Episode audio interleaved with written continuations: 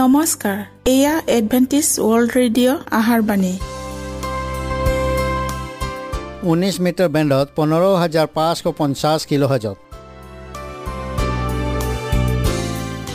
Adventist World radio যোগে অসমীয়া ভাষাত প্ৰচাৰিত আহাৰবাণী প্ৰত্যেক বুধবাৰ আৰু দেওবাৰ সন্ধিয়া সাত বজাত আহাৰবাণী শুনাৰ পিছত আপোনালোকৰ কিবা মন্তব্য আৰু প্ৰশ্ন থাকিলে আমালৈ এই ঠিকনাত লিখক। আমাৰ ঠিকনাটি হৈছে Adventist World Radio' seven day Adventist মণ্ডলী অসম শাখা লতাকাটা বশিষ্ট গুৱাহাটী সাত আঠ এক শূন্য দুই ন।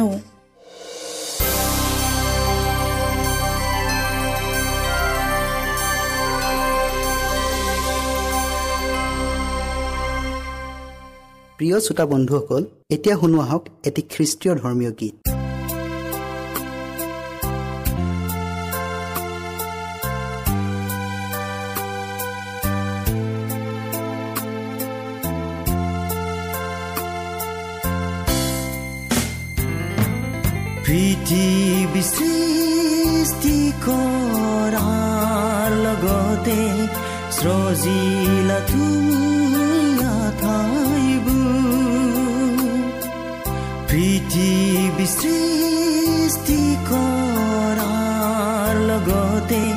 সৃজিলা তুমি আঠাইবোৰ জীৱ জন্তু আৰু লগতে মান জীৱ জন্তু আৰু লগতে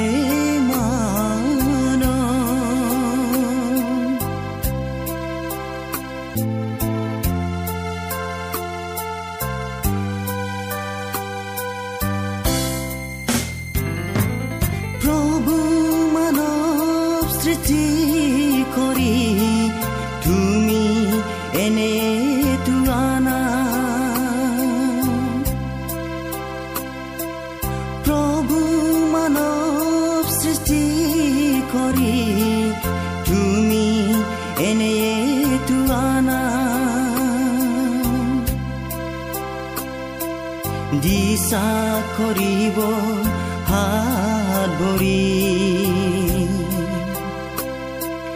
দিশা কৰিব হাত ভৰি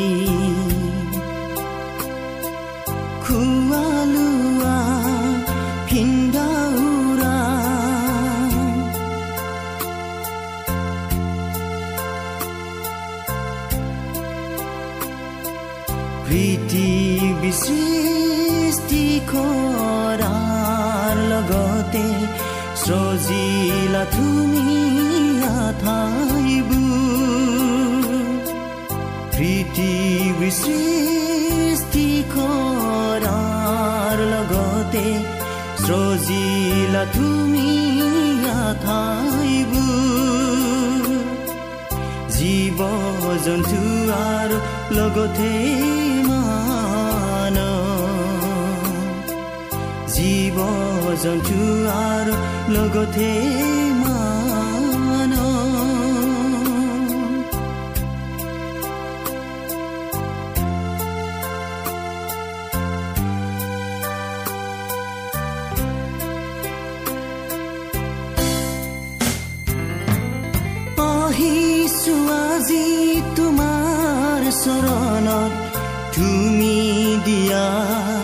সকলো ধনেৰে আহিছো আজি তোমাৰ চৰণত তুমি দিয়া সকলো ধনেৰে লগতে আমাৰ বিয়া খুলিদ লগতে আমাৰ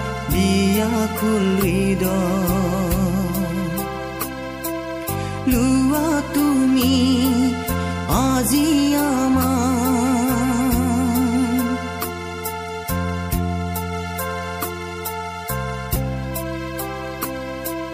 পৃথিৱী সৃষ্টি কৰাৰ লগতে সজিলা তুমি আঠাইবোৰ প্ৰীতি সৃষ্টি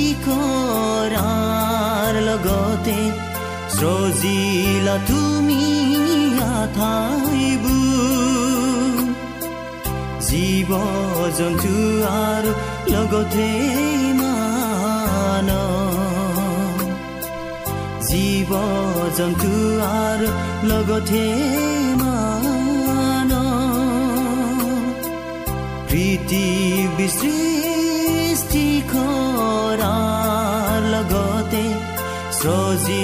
সজিলা তুমি আঠাইবোৰ জীৱ জন্তু আৰু লগতে মান জীৱ জন্তু আৰু লগতে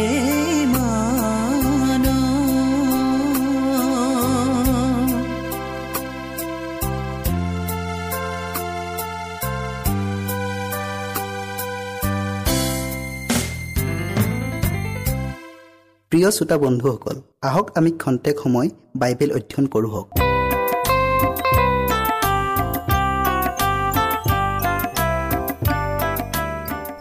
আজিৰ পৰা দুহেজাৰ বছৰৰ আগেয়ে যীশুৱে এই ধৰালৈ আহি মানুহবিলাকক ঈশ্বৰৰ কথা কৈ শিক্ষা দিছিল। তেওঁ স্বয়ং ঈশ্বৰৰ জীৱন্ত বাক্য। আৰু মানুহে বুজিব পৰা সৰল সহজ ভাষাৰে কথা কৈছিল।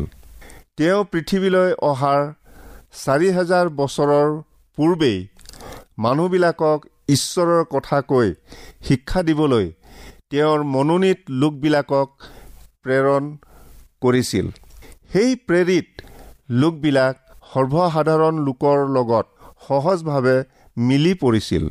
মানুহবিলাক যেতিয়া অঘৰী জীৱন যাপন কৰিছিল তেওঁবিলাকক তেতিয়া সেইভাৱেই শিক্ষা দিয়া হৈছিল। সেই সময়ৰ ধাৰ্মিক লোক আব্ৰাহাম ইছাহাক আৰু জাকুবৰ অঘৰী বংশধৰবিলাকলৈ ঈশ্বৰৰ বাক্য ক'বলৈ দুকুৰি বছৰ পশুপালক হৈ থকা মুচি নামৰ ধাৰ্মিক ব্যক্তি এজনক পঠিয়াইছিল। ৰজা মহাৰাজাৰ আগলৈ দেশ শাসন প্ৰণালীৰ বিধি বিধান আৰু সত্যপথ শিকাবলৈ ডায়ুদ ৰজা চুলেমান ৰজাৰ দৰে ব্যক্তিসকলক পঠিয়াইছিল। ৰাজনীতিজ্ঞ লোকসকলক তেওঁ দানিয়েল আৰু যীচয়াৰ দৰে ৰাজনীতিবিদসকলক প্ৰেৰণ কৰিছিল। শিক্ষাৰ্থীসকলক নিমিত্তে ইজৰা নামৰ ব্যৱস্থাদাতাক পঠিয়াইছিল। দেশান্তৰিত আৰু বনোৱা শ্ৰেণীৰ মানুহবিলাকলৈ বনৰীয়া ডিমৰু গুটি গোটোৱাৰ দৰে নিশ কাম কৰা জিৰচালেমৰ টেকুৱাবাসীৰ নিৰ্জু আৰু শান্ত স্বভাৱৰ লোক আমোচক পঠিয়াইছিল। এইদৰে খ্ৰীষ্টীয়ই মানুহে ঈশ্বৰক বুজি পোৱাত সহজসাধ্য কৰিবলৈ যত্নপৰ হৈছিল। প্ৰত্যক্ষভাৱে দেখা গ'ল যে যেতিয়া মানুহবিলাকে এই সৰল সহজ ব্যৱস্থাৰে ঈশ্বৰৰ বাক্য বুজাত অকৃতকাৰ্য হ'ল তেতিয়া যীশুখ্ৰীষ্টই এতিয়াতকৈ আন এটা অতি উজু উপায় অৱলম্বন কৰিলে।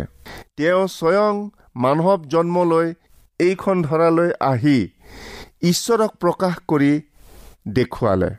সৰ্বসাধাৰণে বুজা ভাষাত যীশুৱে ঈশ্বৰৰ বিষয়ে উপদেশ দিছিল।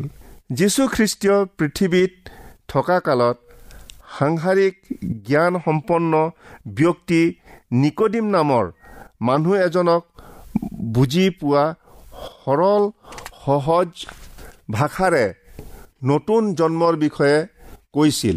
প্ৰিয় শ্ৰোতা বন্ধুসকল যীশুখ্ৰীষ্টীয় আৰু নিকডিমৰ মাজত হোৱা কথোপকথনলৈ মন দি শুনক। কিন্তু ফৰিচীবিলাকৰ মাজৰ নিকডিম নামেৰে যিহুদীবিলাকৰ এজন অধিকাৰী আছিল। সেইজনে ৰাতি তেওঁৰ ওচৰলৈ আহি তেওঁক ক'লে ৰবি অৰ্থাৎ গুৰু আপুনি যে ঈশ্বৰৰ পৰা অহা এজন উপদেশক ইয়াক আমি জানো। আপুনি এই যি আচৰিত চিন দেখুৱাইছে ঈশ্বৰ সংগী নহ'লে তেনে চিন কোনেও দেখুৱাব নোৱাৰে। যীশুৱে উত্তৰ দি তেওঁক ক'লে মই তোমাক অতি স্বৰূপকৈ কওঁ নতুনকৈ জন্ম নাপালে কোনেও ঈশ্বৰৰ ৰাজ্য দেখা পাব নোৱাৰে। নিকদিমে তেওঁক ক'লে মানুহ বুঢ়া হ'লে কেনেকৈ তেওঁ দ্বিতীয় জন্ম হ'ব পাৰে। তেওঁ মাকৰ গৰ্ভত দ্বিতীয়বাৰ সোমাই জন্মিব পাৰেনে? যীশুৱে উত্তৰ দিলে মই তোমাক অতি স্বৰূপকৈ কওঁ জল আৰু আত্মাৰ পৰা জন্ম নাপালে কোনেও ঈশ্বৰৰ ৰাজ্যত সোমাব নোৱাৰে। মাংসৰ পৰা যি জন্মে সি মাংস আৰু আত্মাৰ পৰা যি জন্মে সি আত্মাই।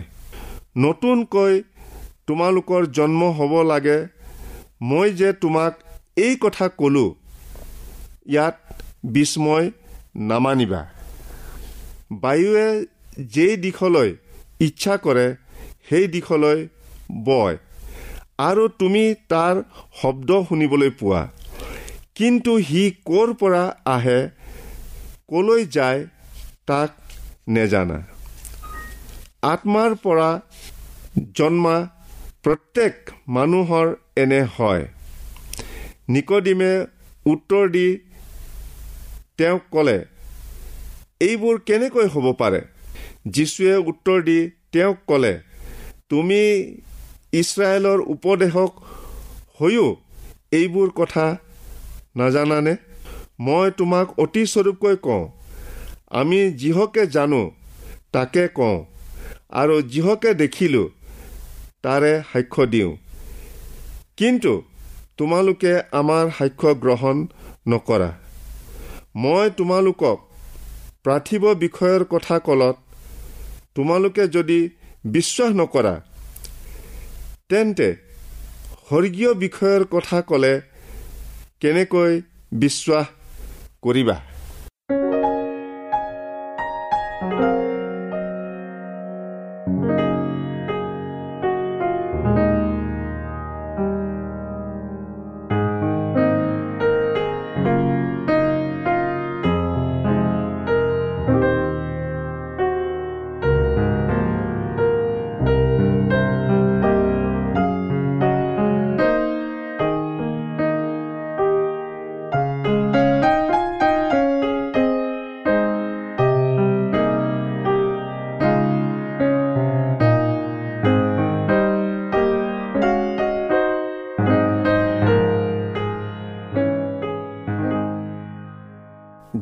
নামৰ এজন মানুহৰ বাৰ বছৰীয়া জীয়েকক যীশুখ্ৰীষ্টই তাইৰ হাতত ধৰি সেই ঠাইৰ কঠিত গাঁৱলীয়া ভাষাৰে ক'লে তালিঠা কুমি অৰ্থাৎ আইটি মই তোমাক কওঁ উঠা। ছোৱালীজনীয়ে স্থানীয় গ্ৰাম্য ভাষা বুজি পাইছিল আৰু সুস্থও হৈছিল। ঈশ্বৰৰ পবিত্ৰ শাস্ত্ৰত উল্লেখ আছে তেওঁ জন জনসমূহৰ আগত শিক্ষা দিওঁতে তেওঁৰ বাক্য শুনা লোকসমূহে আনন্দ মনেৰে তেওঁৰ কথা শুনিলে। কাৰণ তেওঁ মানুহবিলাকে বুজা ভাষাতহে কথা কৈছিল। বৰ্তমান সময়ত প্ৰায়ে শুনা যায় ঈশ্বৰে তেওঁৰ লোকবিলাকক নানা ভাষাৰে কথা কয়।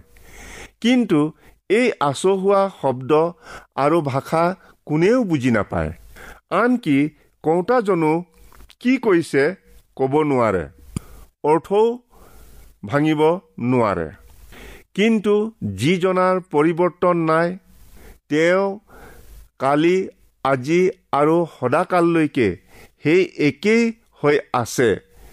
যিজনাৰ পৰিৱৰ্তনৰ চাহো নাই তেওঁ তেতিয়াৰ দিনত যেনেকৈ মানুহে বুজিব পৰা ভাষাৰে কথা কৈছিল ঠিক তেনেকৈ তেওঁ এতিয়াও মানুহে বুজিব পৰা ভাষাৰে পবিত্ৰ আত্মাৰ যোগেদি কথা কয়। আৰু পবিত্ৰ আত্মাই ঈশ্বৰৰ নিশ্বাসীত বাক্যৰ বাহিৰে আন একোকে নক'ব। যীশুৱে কৈছে কিন্তু তোমালোকৰ কথা হয় হয় বা নহয় নহয় হওক। ইয়াতকৈ যি অধিক সি পাপ আত্মাৰ পৰাহে হয়। এতেকে এই সন্দৰ্ভত ক'ব পাৰি আজি খ্ৰীষ্টীয় সমাজত যিবোৰ অশাস্ত্ৰীয় নীতি নিয়ম আৰু শিক্ষা বিস্তাৰ হৈছে ঈশ্বৰৰ জীৱনময় বাক্যৰ আধাৰত ই কু আত্মাৰ চক্ৰান্ত বুলি ক'ব পাৰি। পঞ্চাছদিনীয়া পৰ্বৰ উপস্থিত হলত তেওঁবিলাকে সকলোৱে একেলগে এঠাইত গোট খাই আছিল। সেই সময়ত অতিশয় বেগেৰে বৰ বতাহৰ নিচিনা এটা শব্দ আকাশৰ পৰা অকস্মাতে আহি যি ঘৰত তেওঁবিলাকে বহি আছিল সেই গোটেই ঘৰ জুৰিলে। তেতিয়া তেওঁবিলাকৰ আগত জুইৰ নিচিনা জীৱা ওলাই বেলেগ বেলেগ হৈ প্ৰতিজনৰ ওপৰত ৰৈ থাকিল। তাতে তেওঁবিলাকে সকলোৱে পবিত্ৰ আত্মাৰে পৰিপূৰ্ণ হৈ আত্মাই ক'বলৈ দিয়াৰ দৰে আন আন ভাষাৰে কথা ক'বলৈ ধৰিলে। সেই সময়ত আকাশৰ তলত থকা সকলো জাতিৰ মাজৰ পৰা অহা ভক্ত যিহুদীবিলাক জিৰচালেমত বাস কৰি আছিল।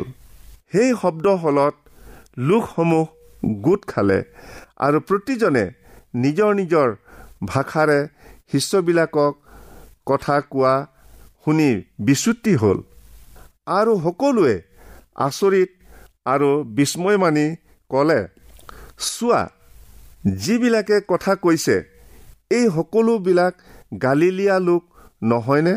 তেনেহ'লে আমি কেনেকৈ প্ৰতিজনে নিজৰ নিজৰ দেশীয় ভাষাৰ কথা শুনিছোঁ? আমাৰ নিজৰ ভাষাৰে এওঁবিলাকে ঈশ্বৰৰ মহৎ কৰ্মৰ কথা কোৱা শুনি আছোঁ। শিষ্যবিলাকে যীশুখ্ৰীষ্টীয়ৰ অশিক্ষিত শিষ্যবিলাকে পবিত্ৰ আত্মাৰ বৰ পাই বিভিন্ন বুজি পোৱা ভাষাৰে যীশুৰ পুনৰুত্থানৰ সাক্ষ্য দি ঈশ্বৰৰ গৌৰৱ প্ৰশংসা কৰা তাত গোট খোৱা লোকবিলাকে বুজি পাইছিল। আজি পৃথিৱীত হেজাৰ হেজাৰ বুজি পোৱা ভাষা আছে। কিন্তু এই অদ্ভুত আচহুৱা ভাষাটোক কি কোন দেশীয় আতিগুৰি নোহোৱা আৰু অবুধ। শেষৰ দিনা ছয়তানে এনেকুৱা কৃত্ৰিম ভাষাৰে পৃথিৱীখনকে চমক লগাই বিপথে পৰিচালিত কৰিব। সেয়ে শাস্ত্ৰত কৈছে তোমালোকে নানাবিধ নতুন শিক্ষাৰ দ্বাৰাই বিপথে চালিত নহবা। কোনোৱে যদি বিভিন্ন শিক্ষা দিয়ে আৰু নিৰাময় বাক্যত অৰ্থাৎ আমাৰ প্ৰভু যীশু খ্ৰীষ্টীয়ৰ বাক্যত আৰু ভক্তিৰ অনুৰূপ শিক্ষাত মান্তি নহয়। তেন্তে তেওঁ অহংকাৰ ৰূপ ধোঁৱাত ধোঁৱা কোৱা লগা তেওঁ একোকেই নাজানে।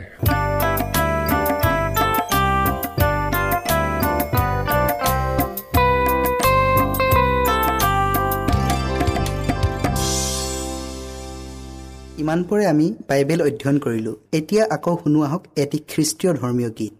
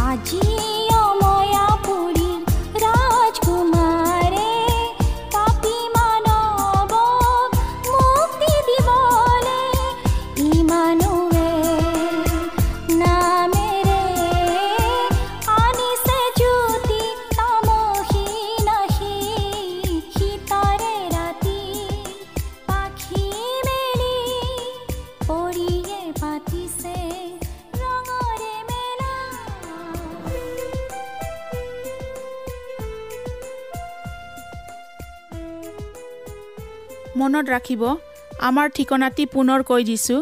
Adventist World Radio' Assam region of seven day Adventist voice of hope Lotakata Basistha Guwahati seven eight one zero' two nine প্ৰিয় শ্ৰোতা বন্ধুসকল এডভেণ্টিজ ৱৰ্ল্ড ৰেডিঅ' যোগে আহাৰবাণী প্ৰচাৰত আপোনালোকক পুনৰ লগ পোৱাৰ আহাৰে আজিলৈ সামৰিলোঁ।